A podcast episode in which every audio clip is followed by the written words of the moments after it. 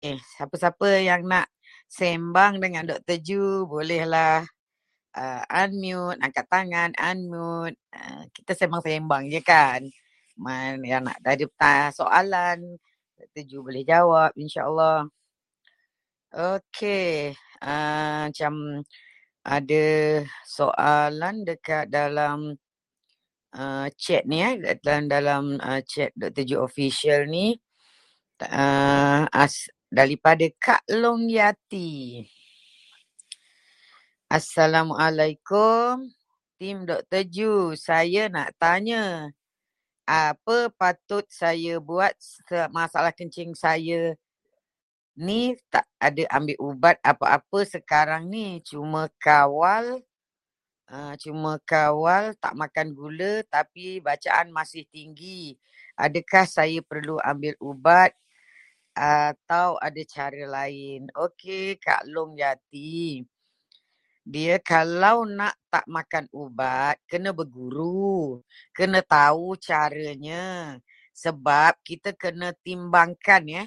Bila kita tak makan ubat dan tak tahu cara macam mana nak turunkan gula dengan secara berkesan daripada dalam darah kita.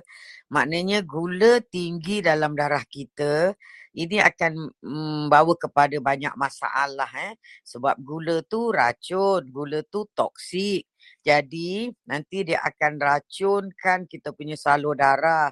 Salur darah kita banyak kecederaan. Kecederaan buat kepada uh, salur darah kita banyak parut. Parut menyebabkan salur darah kita keras. Jadi kita boleh dapat darah tinggi. Dan bila kita salur darah asyik koyak, tampal koyak, tampal disebabkan oleh gula tinggi tadi. Gula tadi kan racun kan. Ha, jadi menyebabkan salur darah kita banyak tersumbat.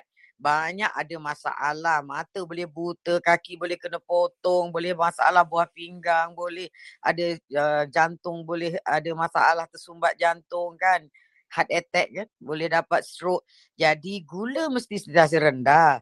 Jadi kalau puan dah tak makan gula, uh, kawal makan tapi gula masih tinggi, memang kena ambil ubat. Uh, memang kena ambil ubat sebab kita kena timbang. Uh, apa ni, uh, kalau gula tinggi kita akan uh, dapat banyak masalah. Kalau gula rendah kita okey. Tapi kena pandailah pilih ubat yang mana yang kita kena perlu ambil. Sebab ada ubat yang boleh naikkan kita punya insulin insulin juga toksik. Jadi kena tahu ubat mana yang boleh ambil, ubat mana yang tak boleh ambil. Ada ubat yang boleh buang gula terus daripada daripada kita punya darah. Ha, ada ubat yang uh, baiki kita punya insulin resistant, punca kita dapat kencing manis. So kalau tak tahu cara macam mana nak uh, nak turunkan ke, apa ni kencing manis tu uh, secara semula jadi dah off gula tinggi lagi sebab kena tahu juga kenapa gula tinggi adakah sebab gula saja menyebabkan apa ni gula tu tinggi kan ada sebab lain yang membawa kepada gula tinggi. Mungkin gula tinggi disebabkan karbohidrat kita tinggi, mungkin disebabkan oleh kita ada stres, mungkin disebabkan oleh kita ada uh, masalah hormon lain yang tinggi, mungkin kita ada masalah uh, usus menyebabkan gula tak boleh nak kawal. Jadi kita kena rawat semua benda tu kan. That's why Dr. Ju buat seminar satu hari. Ha, 26 hari bulan 6 ni. Dengan bayarannya tak sampai RM20. Memanglah tak tahulah kalau tak join juga eh. The whole day Dr. Ju cakap dari pagi sampai petang just nak bagi, nak ajar you all macam mana nak control you punya diabetes supaya uh, apa ni you boleh off ubat kalau boleh. Bukan semua orang boleh off ubat. Ada orang terpaksa bergantung juga pada ubat. Tetapi kena tahu bahawa kenapa apa ni Dr. Ju kata boleh makan ubat sebab kalau you apa ni makan ubat saja tanpa menghiraukan benda lain, tanpa buat benda lain, maknanya tanpa kontrol diet, tanpa apa ni rawat benda lain kan, uh, you akan dapat toleran pada ubat tu. Maknanya you akan dapat uh, uh, kebal pada ubat tu. Lama-lama ubat you daripada sebiji, naik dua biji, naik tiga biji, empat biji. Lama-lama ubat semua tak jalan. Uh, doktor tambah lagi ubat ada dua tiga ubat makan last last doktor kata semua tak jalan you kena juga inject insulin dan semua orang tahu bahawa insulin tu toksik kalau you inject insulin nanti you akan dapat uh, side effect daripada insulin pula Ah, uh, you kadar kematian you meningkat tiga kali ganda daripada orang biasa. 75%. Maknanya uh, you punya kadar yang dapat uh, buah pinggang rosak lagi tinggi. Uh, jadi insulin juga ada resistant, ada kebal. Mula-mula 5 unit, 10 unit, uh, 20 unit. Jadi kita kena tahu cara macam mana kita makan ubat tapi ubat tu tidak dinaikkan dosnya. Kalau makan sebiji, semua hidup sebiji. Ah itu yang bagus. Sebab kita kawal benda lain. Maknanya kita combine rawatan kencing manis ni dengan benda lain. Jangan rawat dengan ubat sahaja ataupun dengan satu jenis sahaja. Kena multiple. Kena beberapa cara macam mana kita nak uh, kawal uh, kencing manis tu. So Kak Long ni baik you join uh, apa ni apa ni 26 hari bulan ni. Sekejap je lagi. Uh, so dah ramai join dah dekat seribu orang tapi kalau lagi ramai lagi bagus sebab Dr. Ju nak sampaikan dakwah ni pada semua orang. So yang pandai ajar yang lain, yang pandai ajar yang lain sebab tengok sekarang ni dah ada 3.9 juta uh, pesakit diabetik dekat Malaysia ni dan kerajaan men, apa ni menggunakan 17 bilion setiap tahun untuk merawat kencing manis dan komplikasi kencing manis. Itu adalah tinggi. Dan kalau kita adalah salah seorang daripadanya kita guna duit siapa untuk rawat penyakit kita disebabkan oleh kesilapan kita.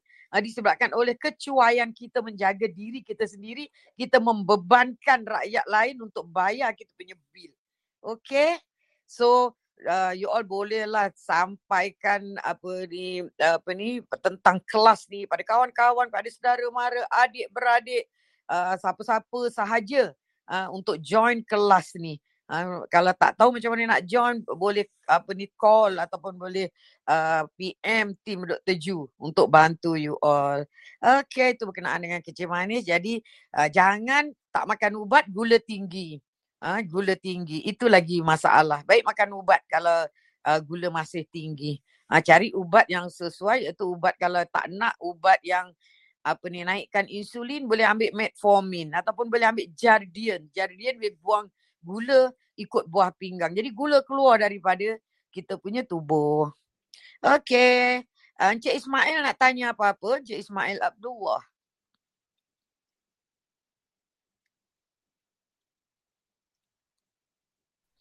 Puan Wani nak tanya apa-apa ke? Ah, saya nak tanya berkenaan dengan sleep apnea. Kalau sleep apnea tu uh, boleh kaitan dengan sakit kepala. Sebab saya sekarang tengah sakit kepala. Apa dia? Stevia? Uh, tak, sleep apnea. Sleep apnea? Ah, apnea. Oh, apnea. Ya. Yeah. Kenapa uh, dapat apnea ni? Dah, dah check ENT dah? Ah belum lagi tapi saya rasa makin lama makin teruk dengkur saya tu sebab kan sekarang kan tak boleh pergi jumpa doktor ni sebab saya tak ada appointment ke apa-apa ke. Ya yeah, memang apnea boleh bagi pening kepala. Tapi apnea you kena betul-betul settlekan dulu sebab dia bahaya. You boleh dapat bukan saja pening kepala, macam-macam penyakit lain boleh dapat. It's a form of stress juga. Apnea ni adalah di mana tiba-tiba malam you berhenti ber, berhenti bernafas sekejap macam kena cekik. Ah tu apnea ah, lah tu. Ah so selalunya puncanya adalah masalah dekat hidung lah.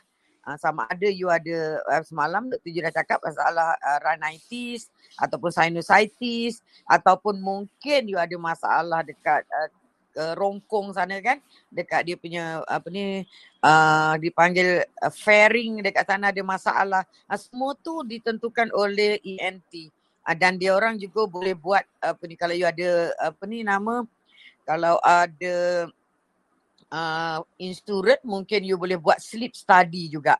Selalunya doktor nak confirmkan you ada apnea ke tidak, dia akan buat sleep study.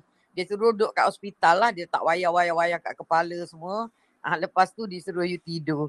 Uh, nanti kalau you ada apa ni tiba-tiba berhenti bernafas nampak lah sebab dia dia record uh, record you punya uh, pernafasan dan juga nadi you uh, each second. Uh, jadi bila dia berhenti, dia nampak oh orang ni berhenti. Berapa kali berhenti uh, ni bernafas tengah malam. Kadang-kadang kita tak perasan tau. Uh, malam-malam kita ada sleep apnea. Kalau kita perasan okey. Uh, tapi ramai yang tak perasan dia ada sleep. Dia oh! uh, tiba-tiba berhenti. Uh, lepas tu orang lain saya. yang tengok. Ha. Sebab Dr. Ju ada seorang kawan yang macam tu so dia bagi uh, doktor terpaksa bagi dia mesin. Ah itu itu masalah yang bukan boleh buat operation ke apalah. Maknanya mas- masalah mekanikal kan. Ah jadi dia bagi mesin CPAP nama dia. So mesin tu dia letak dekat sebelah katil dia sekat, sekat, setiap kali tu tidur dia akan pasangkan dekat hidung dia lah. So dia tidur pakai uh, macam mask gitulah. Uh, so uh, bila dia uh, nak apa ni dia punya tenggorok tu mula nak collapse kan. Uh, dia apa ni dia tak collapse dengan adanya mesin tu. Mesin tu namanya CPAP. So you kena diagnose dulu puncanya. Kalau puncanya cuma ada apa ni uh, bengkak dekat apa ni uh, fairing ke apa-apa doktor selalunya akan bagi tahu apa nak buat lah. Dia memang menyebabkan pening kepala sebab you tak cukup oksigen, you tak cukup tidur sebenarnya. Walaupun you rasa you cukup tidur, sebenarnya you tak cukup tidur. Dia terganggu. Oh. Lagi-lagi kalau banyak kali kena tengah malam kan. Sekejap-sekejap kena, sekejap-sekejap kena. Ha, itu lagilah you siang dia akan groggy, ngantuk. Itu yang menyebabkan ramai orang dapat micro sleep. sleep. Tengah drive-drive tiba-tiba tertidur tak sedar. Yang bawa kepada accident semua tu disebabkan oleh sleep apnea dia. Malam-malam dia dia asyik ter uh, asyik stop breathing je, stop breathing je. Jadi sebenarnya malam dia terganggu. Tidur dia sebenarnya tak nyenyak tapi dia tak perasan. Siang dia tertidur dengan tanpa dia sedar juga. Tiba-tiba tertidur. Tiba-tiba tertidur. Paling bahaya tu lah bawa, bawa kereta. Orang macam ni tak boleh bawa kereta. Dia boleh tidur bila-bila je. Okay Wani, you pergi uh, ni buat appointment dengan uh, ni lah dengan ENT doktor. Oh, So kalau macam untuk sementara ni kalau saya macam jauh daripada gula dengan karbo tu boleh ke sebab Uh, kalau puncanya allergic, of course lah boleh. Dia membantu. Sebab kita tak tahu puncanya yang mana kan. uh-uh. Hmm. Okay. okay. Okay. Ada siapa lagi nak tanya? Puan Hayati nak tanya apa?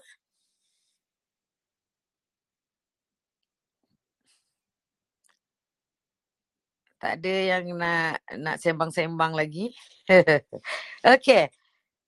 Uh, ni daripada Syamir Amsar. Ya, Puan Hayati nak tanya? Ha, Assalamualaikum Dr. Ju. Ya, Waalaikumsalam. Doktor, saya nak tanyalah pasal kolesterol, doktor. Mm-mm. Ha, saya kan uh, ada buat lez, apa IF dengan lazy keto tau. Jadi bila lazy keto ni kita banyak makan protein kan doktor? Mm-mm. Ha, lepas tu saya buat blood test, saya punya LDL tu tinggi lah doktor. Tapi saya punya HDL dengan TG tu rendah. Ha, macam Mm-mm. mana doktor nak nak nak nak kurang nak nak rendahkan LDL tu? Dia sebenarnya kan Hmm. apa dia umur berapa? Umur dah 40 lebih lah. 40 lebih kan.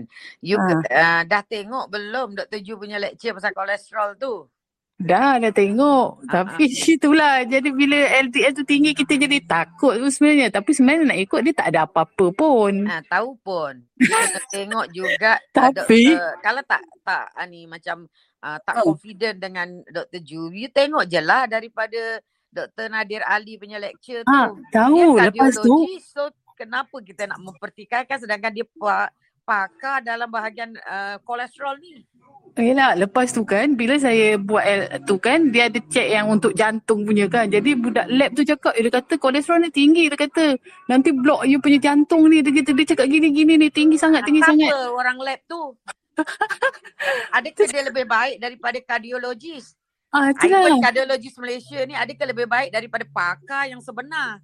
Ah, betul-betul. Kita kena tahu bahawa kalau you tengok Hmm. ini adalah kajian yang ada dia buat sampai 50 tahun sampai 100 tahun dekat Hmm. luar negara. Bukannya doktor tu sendiri yang cakap because dia cakap based on kajian. Dan kajian Oh. tu juga ada dia punya dia punya Hmm. result. Dia tunjuk Ah. result, dia bentangkan result daripada kajian kalau HDL kita tinggi, kadar Hmm. kematian kita menurun 92%. So Oh. Kenapa? Kenapa kita nak mempertikaikan? Dan dia juga ka- kajian juga yang dibuat dekat apa ni yang satu ada beberapa kajian kan? Yang Ha. dibentangkan tu. Ada tiga kajian kat tak silap dan ka- kajian lain pula menunjukkan kalau LDL kolesterol kita tinggi, kita punya Ha. kadar nak dapat sakit jantung drop sampai berapa persen tu. You boleh tengok graf tu. Ah, kita punya kadar kematian drop sampai jauh uh, persennya daripada ni. Sebab kalau you tengok ada satu lecture lagi yang detail scientifically apa guna Ha. LDL kolesterol tu, ah, you tahulah kenapa. LDL kolesterol tu sangat penting. Maknanya LDL kolesterol tu bukan jahat. Dia tak ada kolesterol pun yang jahat dalam badan kita. Hmm. Yang jahat Ha, ya, kita ya. lah. Hmm. Tapi sebab kita kita daripada dulu dah dimomokkan dengan Ya, benda-benda macam tu doktor. kita kena Ah. unlearn. Kita kena yelah, unlearn. yelah, yelah. Bila Ah, pergi klinik relearn. kan, bila pergi klinik doktor tengok je dia bagi ubat, bagi ubat. Kita cakap kita tak makan ubat, dia marah Kita kita. kena Nanti dengan pendirian kita lah. Kita kena ada ya. pendirian. Kita kena Ah. percaya. Uh, maknanya kita kena percaya. You kena percaya bahawa doktor-doktor kat luar tu sana pun banyak yang jadi mangsa. Uh, ha, dia orang betul pun betul. tak tahu. Dia orang pun belajar daripada pharmacist. Pharmacist Hmm. dia nak jual ubat. Oh, Ah, yeah. dia orang dah bagi juga kajian ah, dari kajian yang Hmm. betul yang disorok oleh farmasi menunjukkan kalau kita ambil ubat kolesterol ah, kita punya Ah. kadar ah, sakit jantung serangan sakit jantung lagi meningkat sebenarnya. Oh, yelah, kita yelah. statin ini dia kata menurunkan uh, risiko sakit jantung sebenarnya terbalik. Malah Hmm. dia bawa kepada banyak mas- masalah lain. You boleh dapat li- fatty liver dengan ambil ubat kol- uh, ni ubat kolesterol.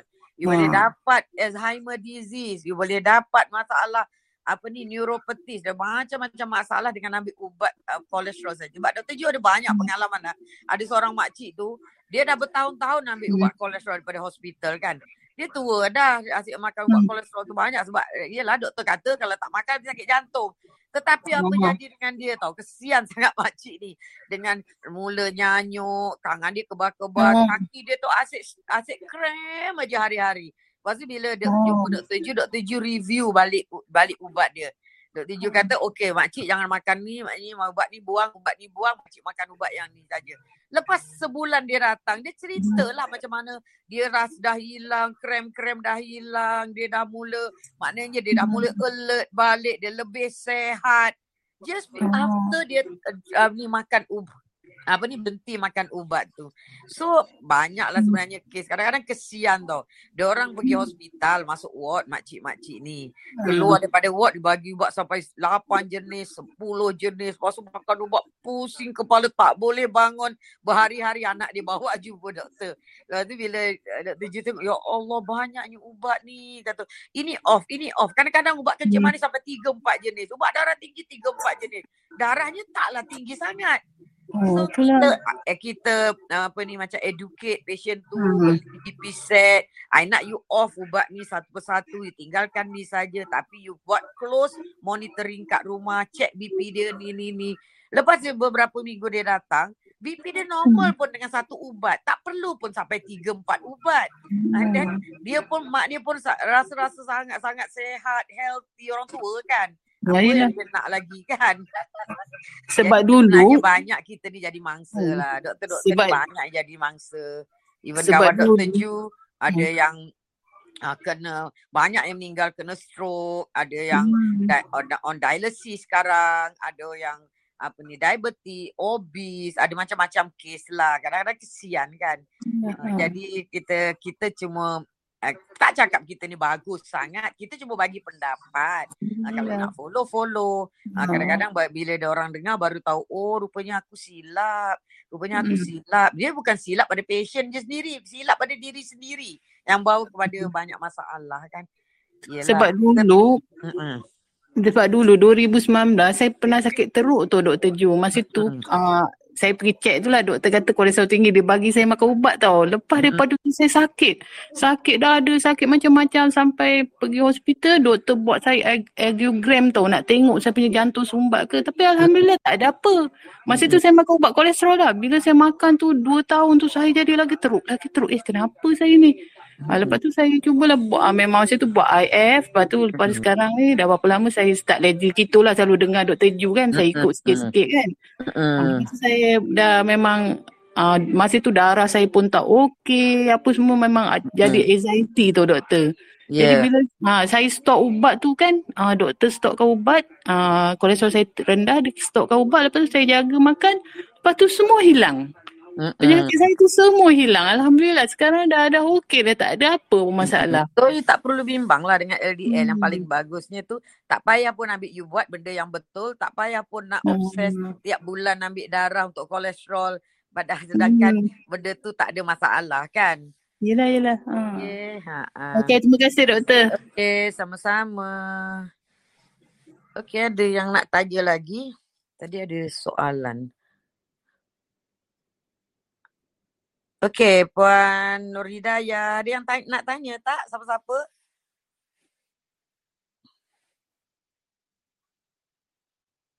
Siti Aziz ke, Wan Fazila ke, Ah, Nur, Hid- Nur Hidayah. eh. Puan Nur Hidayah nak tanya apa?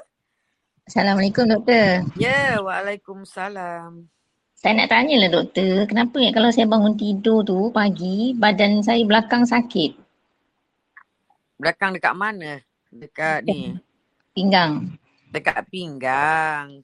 Kadang-kadang you ada masalah pinggang ke? Tulang belakang ke? tak ada. Ya. Dia kalau kalau sakit dekat pinggang tu maknanya berlaku macam spasm lah mas, muscle spasm. Selalunya kalau ada muscle spasm ni maknanya memang ada masalah dekat uh, tulang belakang. Jadi kena buat x-ray, tengok tulang belakang ada masalah ke tidak sebab spasm ni selalunya berlaku sebab untuk protection, untuk bantu kita supaya kita uh, tulang belakang kita sehat kan. Jadi dia protect tulang belakang kita dengan dia mengeraskan diri dia. Uh, otot tu yang mengeras. Tu sebab ni kita dapat uh, masa spasm tu ataupun orang panggil tegang urat tu. Uh, jadi puncanya kena cari tu dulu puan. Kadang-kadang tak ada masalah apa-apa pun. Mungkin malam tadi semalam you makan benda-benda yang you yang badan you tak boleh tolerate. Jadi the next day uh, apa ni badan you tengah malam tu bertindak balas macam-macam. Bangun pagi besok dah semua sakit-sakit badan. Tapi Oh. itu maknanya eh, general lah benda tu general uh, kita kena tahu dulu puncanya tu dengan buat uh, diagnosis lah. Buat diagnosis, buat x-ray ke apa ke untuk tahu apa punca sebenar. Tapi kadang-kadang kalau muscle spasm ni makan ubat dah baik dah tak payah pun. Mau apa tu sesuai ni. Ah ha, ubat tu ubat tegang urat cari dekat uh, uh, dekat farmasi cakap painkiller dengan tegang urat. Makanlah dua hari je. Ha, kalau tak nak makan cari yang sapu-sapu je. Yang sapu tu selalunya apa ni macam uh, Flanil, LMS atau ada dekat dekat farmasi. Counter pain nama dia. Ha, tu tak payah makan ubat. Just sapu-sapu je dia akan relaxkan muscle tu. Oh. Tapi yang paling penting kita kena tahu puncanya lah tu sebab kita pun tak tahu tak boleh nak apa nak predict apa puncanya sebab dia punya punca banyak kan. Oh. Kalau supplement tu yang sesuai ambil? Ah, suplemen yang sesuai selalunya kalau dia tu dia tu tulang belakang, you boleh ambil kalsium tablet ah, ataupun anti radang lah apa-apa anti radang. Omega 3 ke apa kalau puncanya tu sebabkan oleh radang. Buat juga radang punya ni lah tak nak tengok-tengok ESR you, tengok C reactive protein you, uh, tengok juga total white you, uh, apa ni mana uh, full blood picture nak tengok uh, you ada ada radang ke tidak dalam. Kalau ada radang banyak, uh, ambil lah anti radang banyak-banyak. Macam-macam ada anti radang kan dekat luar sana. Oh, okey okey. okey. Kunyit tu pun anti radang. Blender kunyit, perah, minum kunyit itu pun sangat uh, powerful anti radang sebenarnya. Biasa orang dulu-dulu dia makan lempuyang, kunyit. Uh, kadang-kadang dia orang makan sebulan sekali. Itu macam dia buat detox lah tu sebenarnya. Dia orang ni tak payah belajar pun dia orang pandai.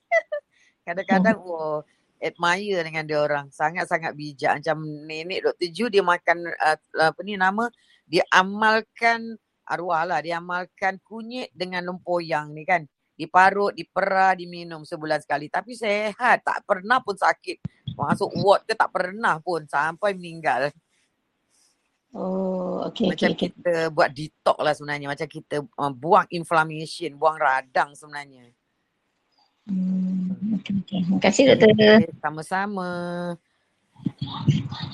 Okey, ada yang nak tanya lagi?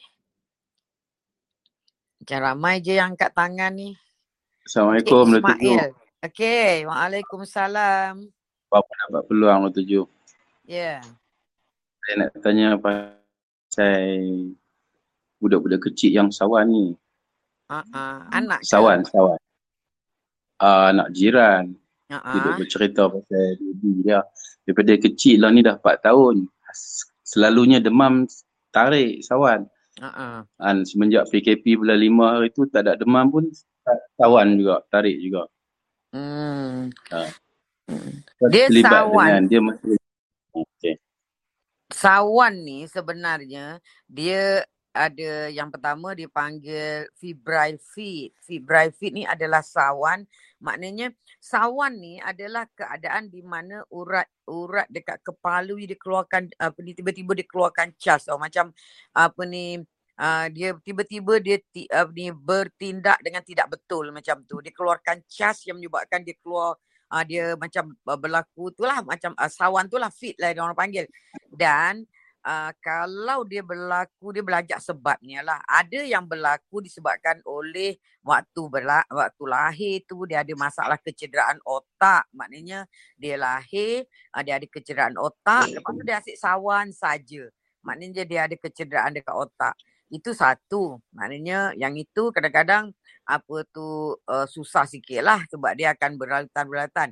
Yang kedua, ada budak yang dia ada febrile fit. Maknanya dia bila dia demam baru dia dapat sawan ni. Bila demam dia dapat sawan. Yang sawan ni apa ni kalau demam ada sawan doktor akan nak tahu sama ada dia sawan ni disebabkan oleh jangkitan dekat dia punya otak uh, otak ataupun dia memang otak dia memang tak tahan pada panas pada suhu. Kalau suhu tinggi sikit dia akan dapat sawan. So selalunya kalau first time budak yang uh, baru pertama kali dia demam ada sawan, doktor akan suruh admit, suruh masuk ward dan doktor ambil darah semua. Ada ke kuman dalam darah dia? Kalau tak jumpa kuman dalam darah dia, doktor akan ambil air tulang belakang dia sebab nak tahu mungkin budak tu ada jangkitan kuman dekat otak dia cara nak tengok kita tak boleh ambil otak dia kan kita ambil air otak tu sebab air dekat tulang belakang tu dia mengalir dalam otak. So kalau dalam otak dia tak ada kuman maknanya uh, dia mungkin febrile fit. Sebab febrile tu maknanya sawan demam. Ha, kalau bahasa Melayu sawan demam lah. Sawan, sawan demam ni sebenarnya dia boleh berulang. Otak dia sangat sensitif pada haba, pada suhu badan. Maknanya setiap kali demam dia sawan. Setiap kali demam dia sawan. Dan kalau dia kerap sangat demam sebab bila kita sawan yang bahayanya tu bila kita macam uh, kaki dia, apa ni bergerak keras-keras badan jadi keras mata terbeliak-beliak tu bahayanya kalau benda ber, berlaku lama sampai kadang-kadang lebih daripada setengah jam dia boleh menyebabkan pendarahan kat dalam otak ha, jadi dia boleh menyebabkan dia tak boleh bernafas lah jadi bila ada pendarahan dalam otak dia akan dapat masalah lain juga. That's why bila uh, ada budak yang ada febrile fit ini yang selalunya datang dalam keturunan. Uh, dalam keturunan dia memang ada fit dan uh, selalunya doktor akan bagi ubat untuk mengawal supaya dia supaya dia jangan dapat febrile fit. Kalau dia berlaku banyak kali sangat. Kalau dia jarang-jarang berlaku tak payahlah doktor tak bagi ubat pun. Sebab ubat tu kena makan sampai umur dia 6 tahun. Lama. Ha, sebab kalau kita tak kawal, kita takut bila dia kena fit, dapat mendarah otak, dah dia jadi dapat uh, mentally retarded pula. Maknanya dia akan ada masalah otak pula Kang. Ha, jadi benda tu bahaya. So orang yang ada masalah fit ni, kalau dia bukan daripada jangkitan, sebenarnya ha, Dr. Ju pun baru buat. Ha, kita bila kita buat genetic study, dipanggil nutrigenomic study ni, kita tengok rupanya uh, dia ada satu jin, uh, jin, uh, jin-jin dalam badan kita. Ada jin yang memang uh, kalau wujudnya jin tu dalam badan kita, uh, genetik tu dalam badan kita, di kita, ya, uh, genetik tu kalau wujud kita senang dapat sawan. Macam rupanya Dr. Ya. Ju punya keturunan, Dr. Ju baru buat uh, baru-baru ni, Rupanya Dr. Ju punya keturunan pun ada masalah sawan ni. Sebab anak apa ni cucu Dr. Ju tadi pernah demam uh, dapat apa ni demam dan dapat sawan Sorry. demam ni. So yeah. kalau dia berlarutan selalunya dia kena ambil ubat tu Encik Abdullah. Lagi satu sawan ni sebenarnya kalau dulu-dulu macam mana orang merawat sawan sebab dulu-dulu tak ada uh, tak ada Ubat. ubat kan. Doktor akan bagi budak tu macam uh, makanan dia high fat. Uh, makanan dia macam ketogenic diet lah. Ketogenic diet Oh. ataupun dia buat juga uh, kalau dah besar sikit dia maknanya dipuasakan budak tu. Maknanya dipuasakan budak tu daripada pukul 6 petang sampai 10 pagi dia tak bagi makan solid food. Ah dia bagi minuman air saja dipuasakan. Dan cara ni sebenarnya sangat berkesan. Ah dia sangat berkesan untuk mengawal. Yang menjadikan budak ni kadang-kadang asyik sawan saja sebab mother dia tak tak kontrol diet dia. Mungkin mother dia tak tahu diet apa yang sesuai untuk anak dia. Mungkin dibagi minum Milo, ah dibagi minum Milo yang ada gula, mungkin dibagi juga makanan-makanan yang tinggi gula, makanan-makanan yang banyak jajan. Budak yang macam ni tak boleh ambil benda-benda tu semua. Dia kena bagi makanan yang high fat, yang tinggi lemak, bagi minyak kelapa ke uh, macam supaya dia apa ni uh, kurang uh, dia tak lapar dan kurang gula dalam darah dia. Sebab gula ni sendiri dia inflammatory, dia in, dia apa ni nama? Dia stimulate sawan tu. Ya. So uh, kawan uh, ni jiran tu kena advisekan mak bapak dia jangan bagi gula, uh, kena bagi makan natural food, tak boleh bagi KFC, tak boleh bagi McDonald walaupun dia 4 bulan kadang-kadang kita bagi macam-macam dalam makanan dia tu. Kita yang tak tahu kan. Ya. Eh 4 Hari bulan ke 4 dia- tahun, dia- 4 dia- tahun. Dia dah dia hampir 4 tahun. Dia Mm-mm. dia dia tak kena attack semenjak setahun 6 bulan. Ha ah. Uh, selepas tahun 6 bulan dia kena balik. Ah tu Tapi bukan waktu demam. diet dia tu. Diet dia tu kena Oh. betulkan. Ah kena Maknanya kena stop kena stop uh, gula yang Ya. macam Dia kena bagi yang natural sugar lah. Bukannya Ah. gula-gula yang putih tu bukanlah. Dia kena bagi dia Oh. natural je. Mungkin bila 4 tahun ni dia dah mula makan tau. Ya. Ah, mak dia dah mula bagi makan. Nah, tu sebabnya dia attack dia dapat attack balik. Ya. Mm-mm. Uh, dia dah budak-budak dia dah suka pada benda-benda itu lah. Dia dah selalu Ah. makan benda itu. Sebab tu dia Hmm. datang balik. Masa setahun mungkin mak dia yang bagi makan. Yalah maknanya Hmm. mak dia kawan tak ah, ni budak tak makan sangat kan. Ya. Hmm. Hmm, Nanti kalau okay, dia besar pun lagi teruk. Sepatutnya benda ni hilang waktu umur 6 tahun. Oh. Mm-mm. Okay, okay. So kalau dia kerap sangat ni memang dia kadang-kadang kalau tak boleh kontrol juga kena mak- kena makan ubat lah. Dia baru keluar daripada ward semalam. Uh-uh. But doktor bagi ubat kan? Ah, tu bagi ubat lah. Ubat dia tu memang sepanjang masa. Ah, ubat tu sebenarnya pun tak bagus sebenarnya. Ubat tu kan ubat untuk ke- kontrol sawan ni juga menyebabkan budak tu lemah, ngantuk sebenarnya. lah. Ah, that's why yang paling penting mak dia kena berusaha. Kena berusaha jaga diet dia. Dia kena Makanan. pandai lah nak buat apa ni apa nak buat. Hmm. Okey, okey. Terima kasih Dr. Ju. Okay, sama-sama. Okey, ada siapa lagi nak tanya? Okey. Uh, Puan Fuzia nak tanya, Puan Halimatun, Puan Fazila, Siti Azi, banyak yang kat tangan ni. Assalamualaikum. Ya, Waalaikumsalam Puan Fuzia.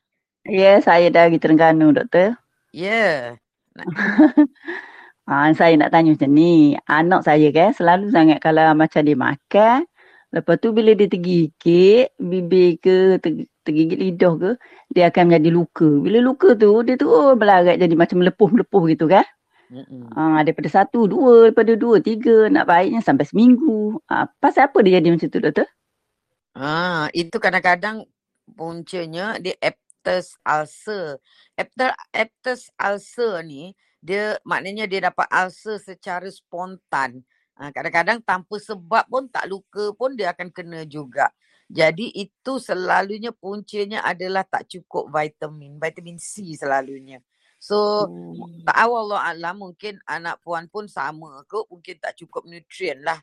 Uh, makanan dia tu tak cukup nutrien jadi dia punya healing dia lambat.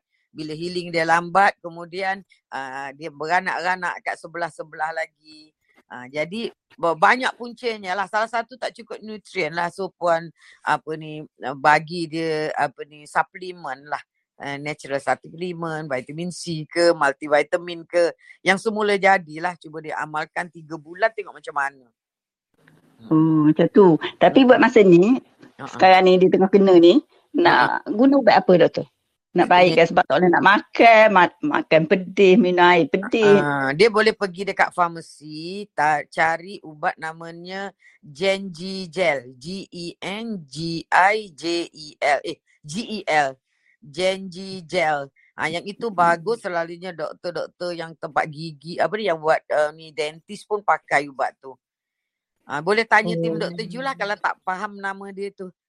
Nah, dia dalam bentuk paket-paket je. Itu itu bagus lah sebab dia ada efek untuk baiki. Kalau you ambil cuma oral aid ataupun bonjela, itu dia cuma apa ni hilangkan sakit sekejap aja. Ha, dia bagi kebas Oh. saja. Tapi kalau janji gel ni dia ada kandungan yang menyebabkan dia sebab cepat uh, sembuh. Cepat sembuh.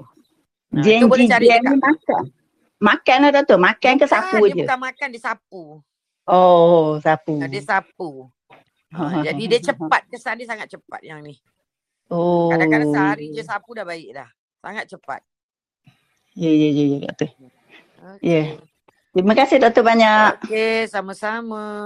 Hmm. Okey, ada siapa lagi yang nak ni? Puan Halimatun nak tanya apa?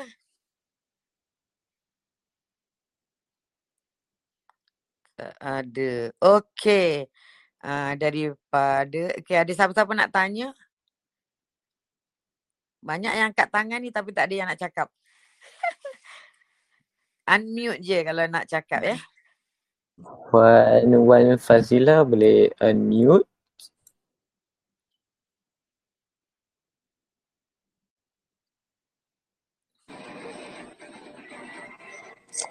Ya. Yeah. Ya Puan Wan Fazila. Ah, uh, doktor nak tanya. Ah, nak Ya. tanyalah ah, kalau SLE boleh ambil vaksin tak? Ah, apa ni SLE, dia ada Ah, ah. makan ubat tak? Ada ubat lah, ada prednisolone. Oh, prednisolone. Yang lain lain tak Ah, ah. ada. Apa dia? Ah, ubat lain tak ada. Adalah ubat darah tinggi semua ada. Oh, tak tapi apa ni, you kena jumpa doktor you balik. Sebenarnya memang bu- kena ambil bukannya boleh ke tak kena ambil tetapi ada ubat tu dia kena berhentikan dulu seminggu. Ah, jadi you kena jumpa doktor yang tengok tu nanti minta advice dia. Ah, Ubat mana yang kena berhentikan dulu macam tu. Ah, Tapi bukannya Oh. tak boleh ambil, dia kena ambil sebab orang yang ada masalah SLE ni dia mudah dapat Hmm. jangkitan dan dia comorbid. Nanti dia akan kalau dapat jangkitan dia tak boleh bertahan kan. Jadi dia kena Ah, ambil because SLE ni adalah autoimmune disease kan. Ah, Ya, ya, ya. jadi ah, dia makan ubat yang suppress dia punya immunity. Maknanya ubat yang Hmm. dia ambil tu is cytotoxic drug yang akan suppress immunity. Jadi kalau you ambil apa ni nama vaksin dengan ubat tu, immunity you punya antibody tak terbentuk. Ah, jadi sayang. Bukannya dia ada contraindication tau. Tetapi Hmm. immunity tu tak boleh terbentuk sebab you makan ubat yang suppress immunity. Faham tak? Hmm. So dia Ya, kena offkan dulu ubat tu sementara, inject, lepas tu bagi badan you keluarkan antibody, ah lepas tu baru sambung ubat tu. Okay? Oh, okey, Ah, okey. that's why you kena jumpa doktor you, doktor anak ke. Siapa yang sakit tu anak eh? Ah, saya? Ah, you pergi jumpa doktor tu, ah, Ah, cakap you nak ambil vaksin. Ah, jadi ah. minta advice. Ah, jadi Okey, eloknya okey. jumpa yang pakar lah, jangan jumpa doktor-doktor biasa. Doktor-doktor biasa Ah, ni pun kadang tak tahu. Jumpa doktor yang pakar yang prescribe ubat pada you. Ah, oh, okey, you okey. boleh cari uh, rheumatologist lah. Selalunya kita akan cari betul-betul yang pakar dia lah. Bukan je doktor biasa-biasa ni. Dia orang pun Ah, kadang tak tahu. Nanti advice you salah. ya, ya, betul, betul.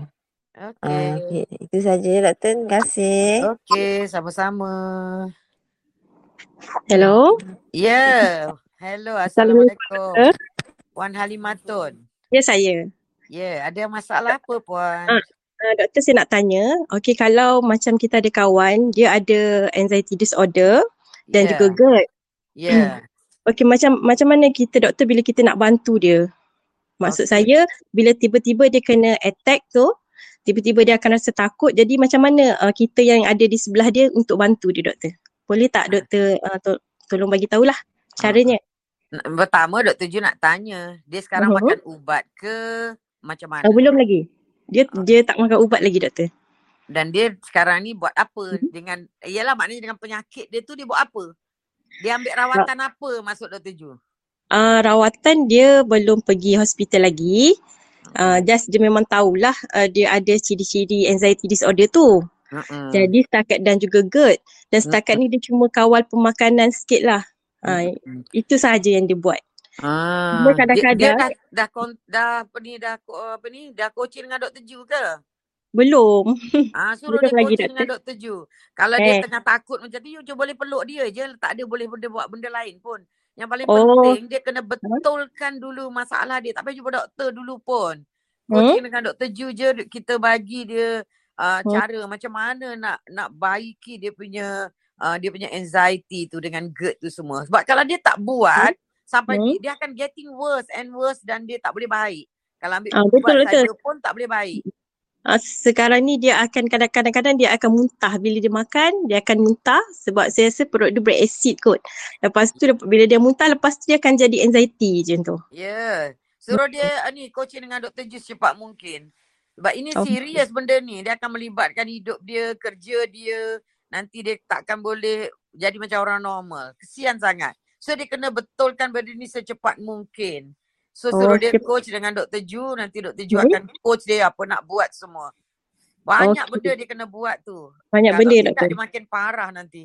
Ha, sebabnya kita yang berada di sebelah dia pun kita tak tahu nak bantu macam mana kalau tiba-tiba dia takut. Uh-uh. So macam bantu tu. dia dengan suruh coaching dengan Dr. Ju. Okey. Ha, ha, okay, terima Okay, kasih kalau doktor. aku suruh dia uh, call ataupun you tolong callkan tim Dr. Ju ke bincang dengan tim Dr. Ju lah. Okay? Okay, thank you. Okay, sama-sama. Okay, ada yang nak tanya lagi? Okay, uh, ini ada uh, Puan Rosma ni, anaknya umur 13 tahun sakit rahang, nak buka mulut sakit, nak kunyah makanan sakit. Ini penyakit lah puan. Penyakit macam dia kata uh, dia arthritis dekat sendi uh, sendi uh, tulang rahang tu lah. Uh, that's why sakit, lagi sakit. Selalunya kalau uh, baru saja umur 13 tahun ni selalunya disebabkan oleh perubahan hormon je. Perubahan hormon. Jadi dia punya cara dia cuma ambil painkiller, ubat uh, radang sekejap nanti dia akan baik sebab dia umur baru 13 tahun. Dia bukannya penyakit yang permanent yang tak boleh baik. Tak, dia boleh baik. Okey, ada siapa nak tanya? Puan Nur Azita nak tanya? Okay, Assalamualaikum doktor. Uh, saya nak tanya, boleh ke uh, kalau uh, bulletproof proof coffee tu kalau buat sebagai meal replacement boleh sebab ada orang kata dibuat macam tu uh, kolesterol dia jadi tinggi dan jantung ada masalah jantung lepas tu. Adakah itu berkaitan dengan dia sebab dia dia gunakan bulletproof coffee tu sebagai meal, meal replacement? Ah, satu lagi nak tanya apa beza cuka apple dengan cuka kurma? Mm-mm. Ah, itu Cuka je. apple dengan Okey. cuka kurma ni sama je sebenarnya. Cuma bahan asasnya je lain. Oh, khasiat dia Eh, sama. Ah, hasiat dia pun sama. Cuka apple, cuka kurma hasiat dia sama. Cuma bahan asas yang digunakan je lain. Ah, jadi dia Oh. uh, dia uh, bagus kalau orang tu boleh tolerate, boleh ambil dia bagus lah. Kalau eh, sebab dia ada probiotik, ada prebiotik dalam tu cuma kalau you tak sesuai memang tak sesuai lah. Uh, dia bergantung kepada kita punya badan lah si dia nak terima atau tidak. Kalau Oh. pasal apa ni bulletproof ni sebenarnya dia boleh diamalkan sebenarnya. Kita cuma ambil macam you ambil minyak kelapa. You ambil minyak kelapa hari-hari pun tak ada masalah. Sebab kenapa dia punya kolesterol tu meningkat? Sebab dia apa tu yang meningkat adalah LDL kolesterol tadi tu lah. Jadi kalau you tengok eh, yang macam tadi Dr. Ju dah cakap, sebenarnya LDL kolesterol ni tak ada pun bahaya. Bukan dia penyebab sakit jantung. Bukan dia penyebab dia ada masalah jantung. Betul ke dia ada masalah jantung? Mungkin dia ada palpitation tu, mungkin dia ada masalah dengan kafein. Uh, mungkin dia dia ambil selalu mungkin kafein dia tu tinggi ke, kopi yang dia ambil tu high kafein. menyebabkan dia dapat apa ni withdrawal ataupun addiction pada caffeine itu kemungkinan lah. Kalau mungkin ada orang kan dia ketagih kepada kopi ni maknanya dia ambil yang high dose. Tapi jarang lah orang ada ambil caffeine tinggi. Ah ni orang ambil kopi ni sampai menyebabkan dia uh, terlalu apa ni nama addicted kepada caffeine tapi kalau dia macam suka sangat kopi asyik nak minum aja tu itu tak ada masalah pun sebenarnya. Kalau apa ni caffeine tu puncanya dia boleh gunakan uh, tukar caffeine tu dengan koko. Dengan koko ataupun dengan fruit pun boleh. Bulletproof tidak semestinya kopi. Dia boleh teh sebab yang permulaan dulu uh, untuk yang tak tahu apa dia bulletproof ni eh, mungkin ada kat sini yang tak tahu apa dia bulletproof coffee ni eh. bulletproof coffee adalah ataupun minuman yang dalam minuman tu kita campurkan dengan minyak kelapa yang diekstrak iaitu MCT oil lah. Senang cerita minyak kelapa lah. Dengan apa ni ekstrak minyak kelapa campur dengan pure butter. Maknanya dia tak boleh pakai margarine pakai tak boleh pakai apa ni butter. Biasa butter cup tak boleh pakai pure butter yang grass fed. Maknanya butter daripada lembu yang makan uh, makan sayur eh yang makan apa rumput. Uh, jadi dia punya susu tu dia lain. Dia mengandungi apa ni nama? Uh, susu dia mengandungi uh, natural trans fat yang badan kita memang perlukan trans fat ni. So uh, bulletproof adalah minuman yang dalamnya mengandungi MCT oil ataupun minyak kelapa, ekstrak minyak kelapa, pure grass fed butter dan juga uh, apa ni itu sebenarnya. Uh, you boleh letak teh uh, maknanya kalau pakai teh pun you still panggil bulletproof you boleh pakai kopi uh, you juga boleh pakai apa nama tu apa ni koko you boleh juga pakai buah-buahan yang dibenarkan. Contohnya berries, blueberries. You boleh juga mungkin letak apa ni avocado. Ha, semua tu boleh. Jadi kalau kita minum minuman ni, kita kenyang sampai petang. Ha, itu saja. Maknanya kita minum minuman ni sebab kita nak stimulate. Kita nak stimulate badan kita untuk buat proses ketogenik uh, keto, uh, ketosis maknanya untuk buat proses di mana dia gunakan lemak tu sebagai tenaga menggantikan gula. Jadi bila gula rendah, insulin rendah, kita tak lapar. Jadi orang ambil macam ni untuk buat apa ni selalunya untuk orang yang kerja kuat. Uh, jadi dia tak makan, dia pagi sampai petang dia tak makan ataupun apa ni orang yang buat intermittent fasting, orang yang ada masalah kencing manis, orang yang masalah obesity ataupun ada chronic disease macam you kena limit you punya makanan. Contohnya orang ada gastrik juga, GERD, dia dia ada makanan macam-macam makanan dia tak boleh tolerate, dia nak kenyang saja supaya perut dia tak makan banyak supaya perut dia tu boleh buat healing. Ha, jadi dia akan ambil bulletproof ni. Jadi sebenarnya bulletproof ni tak ada pun menyebabkan sakit jantung. Kalau tengok yang mengamalkan ni adalah pakar jantung juga. Pakar apa ni macam Dr. Jason Fu, pakar apa ni. Boleh uh, tambah whipped cream. Apa dia? Boleh tambah whipped cream dalam bulletproof tu? Boleh, boleh. Ada orang letak whipped cream. Whipped cream ni sebenarnya jangan ada gula lah. Boleh whipped cream, whipped, whipped cream. Cream adalah daripada susu. So bahan-bahan Kalau madu, tambah madu lagi? Boleh. Apa dia? Madu. Madu tak boleh lah. You, Oh, madu itu tak tak bukan boleh. bulletproof. Kalau ada gula tak boleh dah. You, oh. you boleh letak sama ada erythritol atau monk fruit ataupun stevia. Nah kalau Oh. bulletproof maknanya selalunya dia orang pakai without sweetener. Original Mhm. bulletproof ni tak ada pun langsung pemanis. Dia tak manis pun. Oh, madu pun tak boleh. Tapi madu. kita buat, kita letak apa ni, uh, kita letak ni. Uh, kalau kita kita buat, kita letak pemanis lah.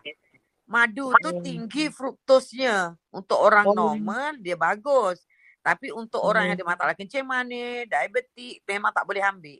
Eh, diabetik kencing manis sama obesity. Ah, ah. Ah. Tu, ah, apa kalau bagi orang yang asma, tu last soalan ah. Kalau Ya. orang yang ada asma, dia ada alternatif lain tak selain pada guna inhaler yang untuk preventer tu? dia kena tahu juga puncanya apa. Ha, jadi selalunya asma ni dia makin menjadi-jadi because badan dia terlalu tinggi histamin. Jadi inhaler tu Dr. Ju dah cakap semalam inhaler tu yang dipakai tu sama ada inhaler inhaler tu dibuat daripada steroid untuk hilangkan radang dekat paru-paru dia ataupun inhaler tu untuk kecutkan otot dekat paru-paru supaya lubang paru uh, lubang pernafasan tu besar.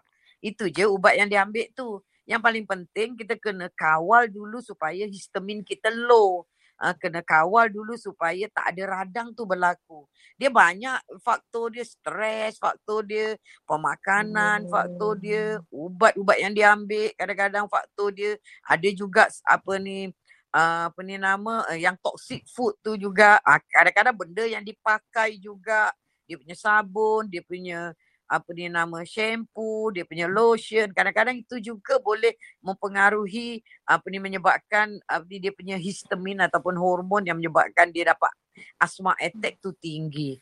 So dia kena uh, belajar usus dia kena sentiasa sehat sebab kita kena tahu bahawa uh, 70% daripada histamin tu dikeluarkan oleh usus kita. So kalau usus dia tak sehat, susah dia nak kontrol. Kalau bergantung pada uh, pada ubat aja apa ni dia man, maknanya dia apa ni apa ni tak bagus lah kan sebab ubat semua hmm. ada side effect. Uh, okay, terima maknanya dia tak, kalau dia bergantung pada ubat ni dia tak boleh kawal tu dia maknanya masalah dia tu tak terkawal. So dia kena cari cara macam mana nak kawal penyakit dia without drug tu lah. Uh, okay, terima kasih doktor. Okay, sama-sama. Okay, uh, ada siapa nak tanya lagi ke? Ini ada tadi ada soalan ya. Uh, bagaimana cara ni kan daripada Puan Najiha. Assalamualaikum doktor, maaf saya nak tanya bagaimana cara nak buat jika sembelit dan tidak dapat buang setiap hari tapi lepas 3-4 hari baru nak buang. Uh, dah banyak minum buah-buahan su semua tak jalan. Uh, yang ini masalah sembelit ni sebenarnya kalau dia dah berlaku lama, uh, dia memang ada sejenis manusia ni yang dekat usus dia ni dia ada kekurangan uh, sel-sel tertentu dia kurang. Uh, jadi dia asyik sebelit sahaja. Jadi yang ini kita kena buat diagnosis jugalah. Dia dah makan macam-macam uh, apa ni uh, sayuran tak jalan. Dia ada satu sebenarnya Uh, kalau dululah, ini dulu bapak Dr. Ju lah. Macam mana dia nak hilangkan sembelit. Because sembelit ni kadang-kadang se- uh, sebab kita kurang bergerak. Kalau orang tua sure dia sembelit. Sebab dia tak bergerak, dia baring saja, duduk saja. Uh, lagi-lagi kita ni musim PKP ni pun duduk saja pun boleh dapat sembelit. Bila kita kurang bergerak, usus kita kurang bergerak. Bila usus kurang bergerak, air tu lama dekat usus. Bila air tu lama, air eh, bila makanan tu lama dekat usus, air banyak diserap dekat darah. Bila banyak diserap dekat darah, kita punya nadi jadi jadi uh, apa ni keras. Bila keras susah nak berak. Selalu orang tua macam tu lah. Orang tua-tua dah 80 ke atas, 70 ke atas. Satu sebab dia kurang bergerak. Satu lagi dia kurang makan. Bila kurang makan, najis dia sikit. Bila sikit, dia lambat nak ke usus besar. Ha, bila uh, lambat, dia susah uh, jadi keras. Jadi keras, susah nak berak. Ha, itu adalah puncanya lah. Tapi kalau orang muda ada masalah sembelit ni, dia banyak sebab lah. Mungkin pertama dia ada masalah dah mula nak jadi leaky gut syndrome. Dah mula dah ada nak masalah usus. Yang kedua tu lah yang tadi Dr. Ju cakap. Mungkin dia ada masalah usus yang lahir memang macam tu. Ha, yang itu kalau bapak Dr. Ju tu hari dia ambil apa tahu namanya asbab. Cari dekat Maidin ke apa ke. Dia ada satu uh, mall-mall yang jual apa ni tradisional ubat-ubat tradisional dia lah uh, jamu-jamu tu dia ada jual satu uh, satu uh, jamu tu namanya asbab asbab ni dia macam uh, teh jugalah macam jamu tapi doktor Ji tengok bila dia makan ubat ni dia tak dapat tolerance maknanya kalau makan ubat uh, bagi berak tu makan sekali dua kali dah seminggu tak jalan dah sebab dia punya usus dah kebal tapi bila ambil ambil jamu ni tengok uh, macam bertahun-tahun pun tak jadi apa. Maknanya dia tak ada tolerance sebab dia buat daripada daun-daun gitu je kan. Boleh carilah asbab ni. Tapi puncanya tu doktor Ju tak pasti apa punca dia dapat benda tu. Okay. Nak tanya uh, regarding vaksin. Those who are having thalassemia, uh, not major boleh ambil vaksin. Tak kena ambil Puan Maria. Maria Hassan ni tanya kalau dia ada thalassemia, boleh ambil tak vaksin. Memang kena ambil, uh, kena ambil sebab orang ni ada uh, ada masalah ada komorbid. Dia ada thalassemia ni dia punya adalah penyakit di mana sel darah merah dia ada kecacatan. sel darah sel darah merah dia apa ni orang kata lem, apa ni fragile. Dia senang pecah. Uh, so kalau dia silap sikit pecah. Tak apa ni tak apa-apa pun dia pecah. Kalau meja asyik pecah je sel darah merah dia. So dia asyik tak cukup sel darah merah je. Uh, dan sel darah merah dalam ni tu pula banyak uh, ni banyak iron kan. So orang yang ada thalassemia ni dia akan banyak iron dekat dalam badan dia. Uh, kulit dia jadi jadi tak lawa. Uh, dia punya apa nama perut dia jadi buncit sebab dia punya organ yang apa ni uh, yang musnahkan iron dia besar, organ yang keluarkan dia punya sel darah merah pun terpaksa kerja kuat. Jadi dia terp, uh, dia terpaksa jadi besar.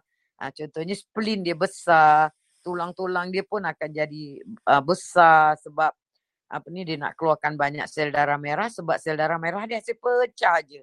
So orang ni sangat susceptible, maknanya dia senang dapat jangkitan. Dan kalau dia dapat uh, COVID, dia tak boleh survive, dia susah nak survive.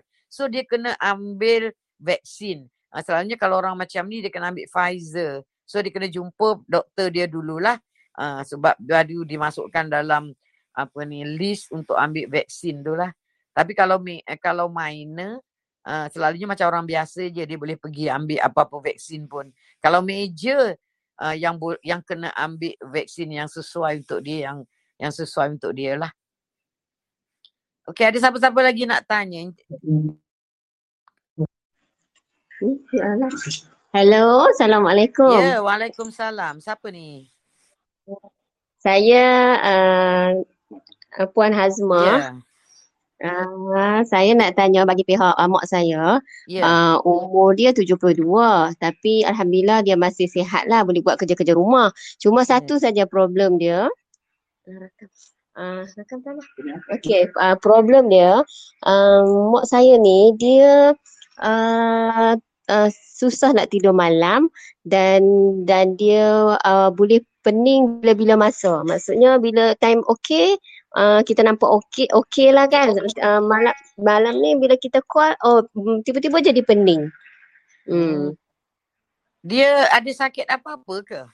Dia tak ada sakit apa dan dia tidak ada uh, masalah, ma, tak ada fikir benda-benda yang ada masalah, tak ada masalah lah.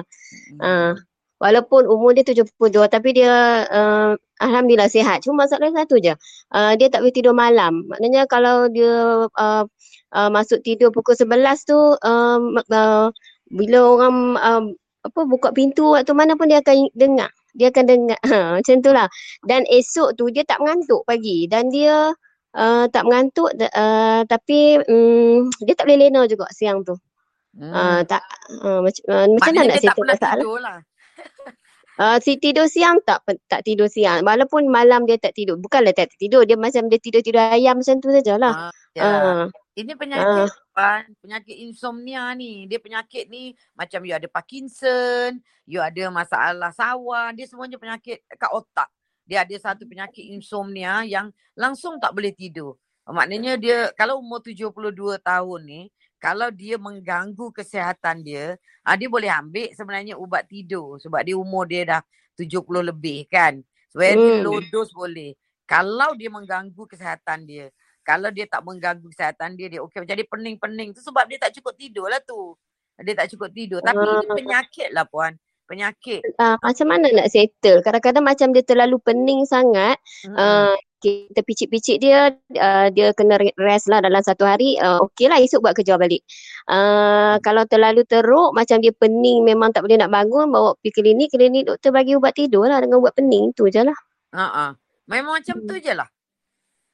Ah, tapi yang Oh. paling penting juga uh, apa ni bagi dia apa-apa suplemen lah puan. Yang paling bagus untuk dia ni sebenarnya adalah super lutein yang tinggi omega 6 dia. Supaya kadang-kadang apa ni pening ni kadang-kadang sebab dekat darah dia itulah Dr. Ju dah cakap semalam darah dia Hmm. pekat. Bukannya darah dia pekat maknanya sel-sel dalam darah dia ni banyak yang melekat-lekat. Bila melekat-lekat kadang-kadang waktu dia tidur ke ataupun waktu dia apa ni rehat ke Ah, benda tu Hmm. tiba-tiba yang melekat-lekat jadi bolus, jadi macam bola small sangat.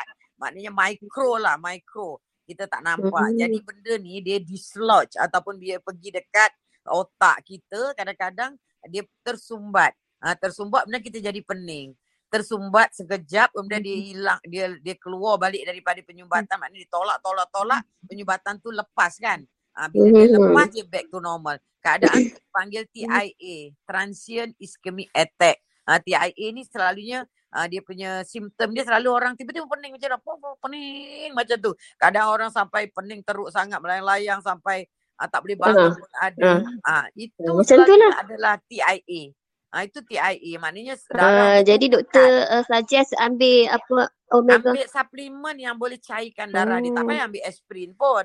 Sebenarnya kalau nak ambil aspirin pun boleh. Tapi ambil yang semula jadi. Contohnya ambil omega 3 ambil supulutin ambil izumio ambil vitamin C. Benda-benda tu semua boleh uh, buatkan dia punya apa ni uh, uh, sel-sel dalam darah dia tu tidak melekat-lekat lah maknanya mencairkan. Kalau orang dah dalam bahasa Melayu tu selalunya dia punya term cairkan darah lah sebenarnya bukan darah tu cair dia prevent Hmm. daripada sel-sel dalam darah tu melekat-lekat each other uh, supaya mengelakkan daripada uh, itulah berlaku dia penyumbatan dekat salur darah dengan penyumbatan tu Hmm. mikro tau bukan salur darah besar juga kan dia stroke tapi tak heran kalau dia boleh dapat stroke sebab Dr. Jo ada kes yang macam nasib pening aja. Datang masuk air, injek bayi. Nanti pening lagi, mabuk, pusing-pusing, muntah-muntah. Macam tu. Rupa-rupanya satu hari dia datang dapat stroke. Ha, maknanya dia nak jadi stroke. So you kena kawal you punya uh, you punya mak mak eh. You punya mak ni lah. Ya ya ya mak. suplemen supaya cairkan darah lah senang cerita. Kalau jinko baloba tu pun boleh. Semalam kita cerita pasal tanakan tu kan. Jinko baloba pun Oh. boleh. Dia boleh cairkan darah juga. Ya, Terpulang Kat lah yang farmasi lah. nak belilah. Ha. Uh, dekat Dr. Jo, Dr. Jo ada tak yang untuk uh, suplemen ni? Yang Ada yang ada. You boleh tanya tim Dr. Ju lah. Ha. uh, adakah Okey. disebabkan oleh banyak uh, dimakan karbo macam uh, tepung gandum, Ah itu sure lah salah satu sebabnya. Tapi Oh. dia dah umur Dan macam tu, kita nak halang-halang kan susah. Baik you uh, bagi susah. something yang bantu dia. Okey, last, last uh, nak tanya doktor uh, untuk uh, vaksin COVID ni kan, Mm-mm. uh, mak saya s- macam tak berani tapi dah dah daftar dah. Uh, tak berani kata macam hari contoh dia yang dia dapat tu uh, dia ada pening. Um, dia boleh dia boleh uh, pergi cucuk vaksin tu tak? Masa pening tu tak boleh lah. Bila tak pening tu cocok lah. Dia boleh ni boleh inform uh, tempat yang dia nak cocok tu. Cakap hari ni dia pening, tak sihat. Dia kalau tak nanti kena denda tu. Oh, maknanya kalau time sihat uh, dia boleh pergilah masa Dia tak, boleh tak, tak, pergi. uh, tak, tak Ah, ganggu lah. ah, ah. Hmm, dia, dia ada imagine macam ni. Dia dah jenis pening. Takut pi, uh, pi, uh, ambil vaksin dia jadi pening nanti tiba-tiba Tak pening. Ah, macam tu lah. Selalunya tak juga. Tapi dia perlu ambil sebab sebab dia susceptible kan. Dia senang dapat jangkitan, dia senang dapat teruk kalau dapat jangkitan. Baik ambil vaksin tu sebab vaksin ni yang bagusnya bila kita ambil kita uh, kalau kena pun kita tak teruk. Uh, kita tak sampai Hmm. stage 4, stage 5. Paling-paling stage 3 saja. Uh, jadi Hmm. kalau uh, jadi itu uh, sangat penting lah. That's why kerajaan attack orang tua dulu. Hmm. Jadi mana-mana jenis vaksin pun tak apalah kan? Ah tak apa. Mm. Okey, okey. Tu je. Tu je. Terima Okey, kasih. okey itu saja semua. Dah pukul 11. Okey, terima kasih yang mendengar, terima kasih yang bertanya, terima kasih yang sudi nak bersembang dengan Dr. Ju. Kita jumpa balik esok eh. Okey, Assalamualaikum, jaga diri.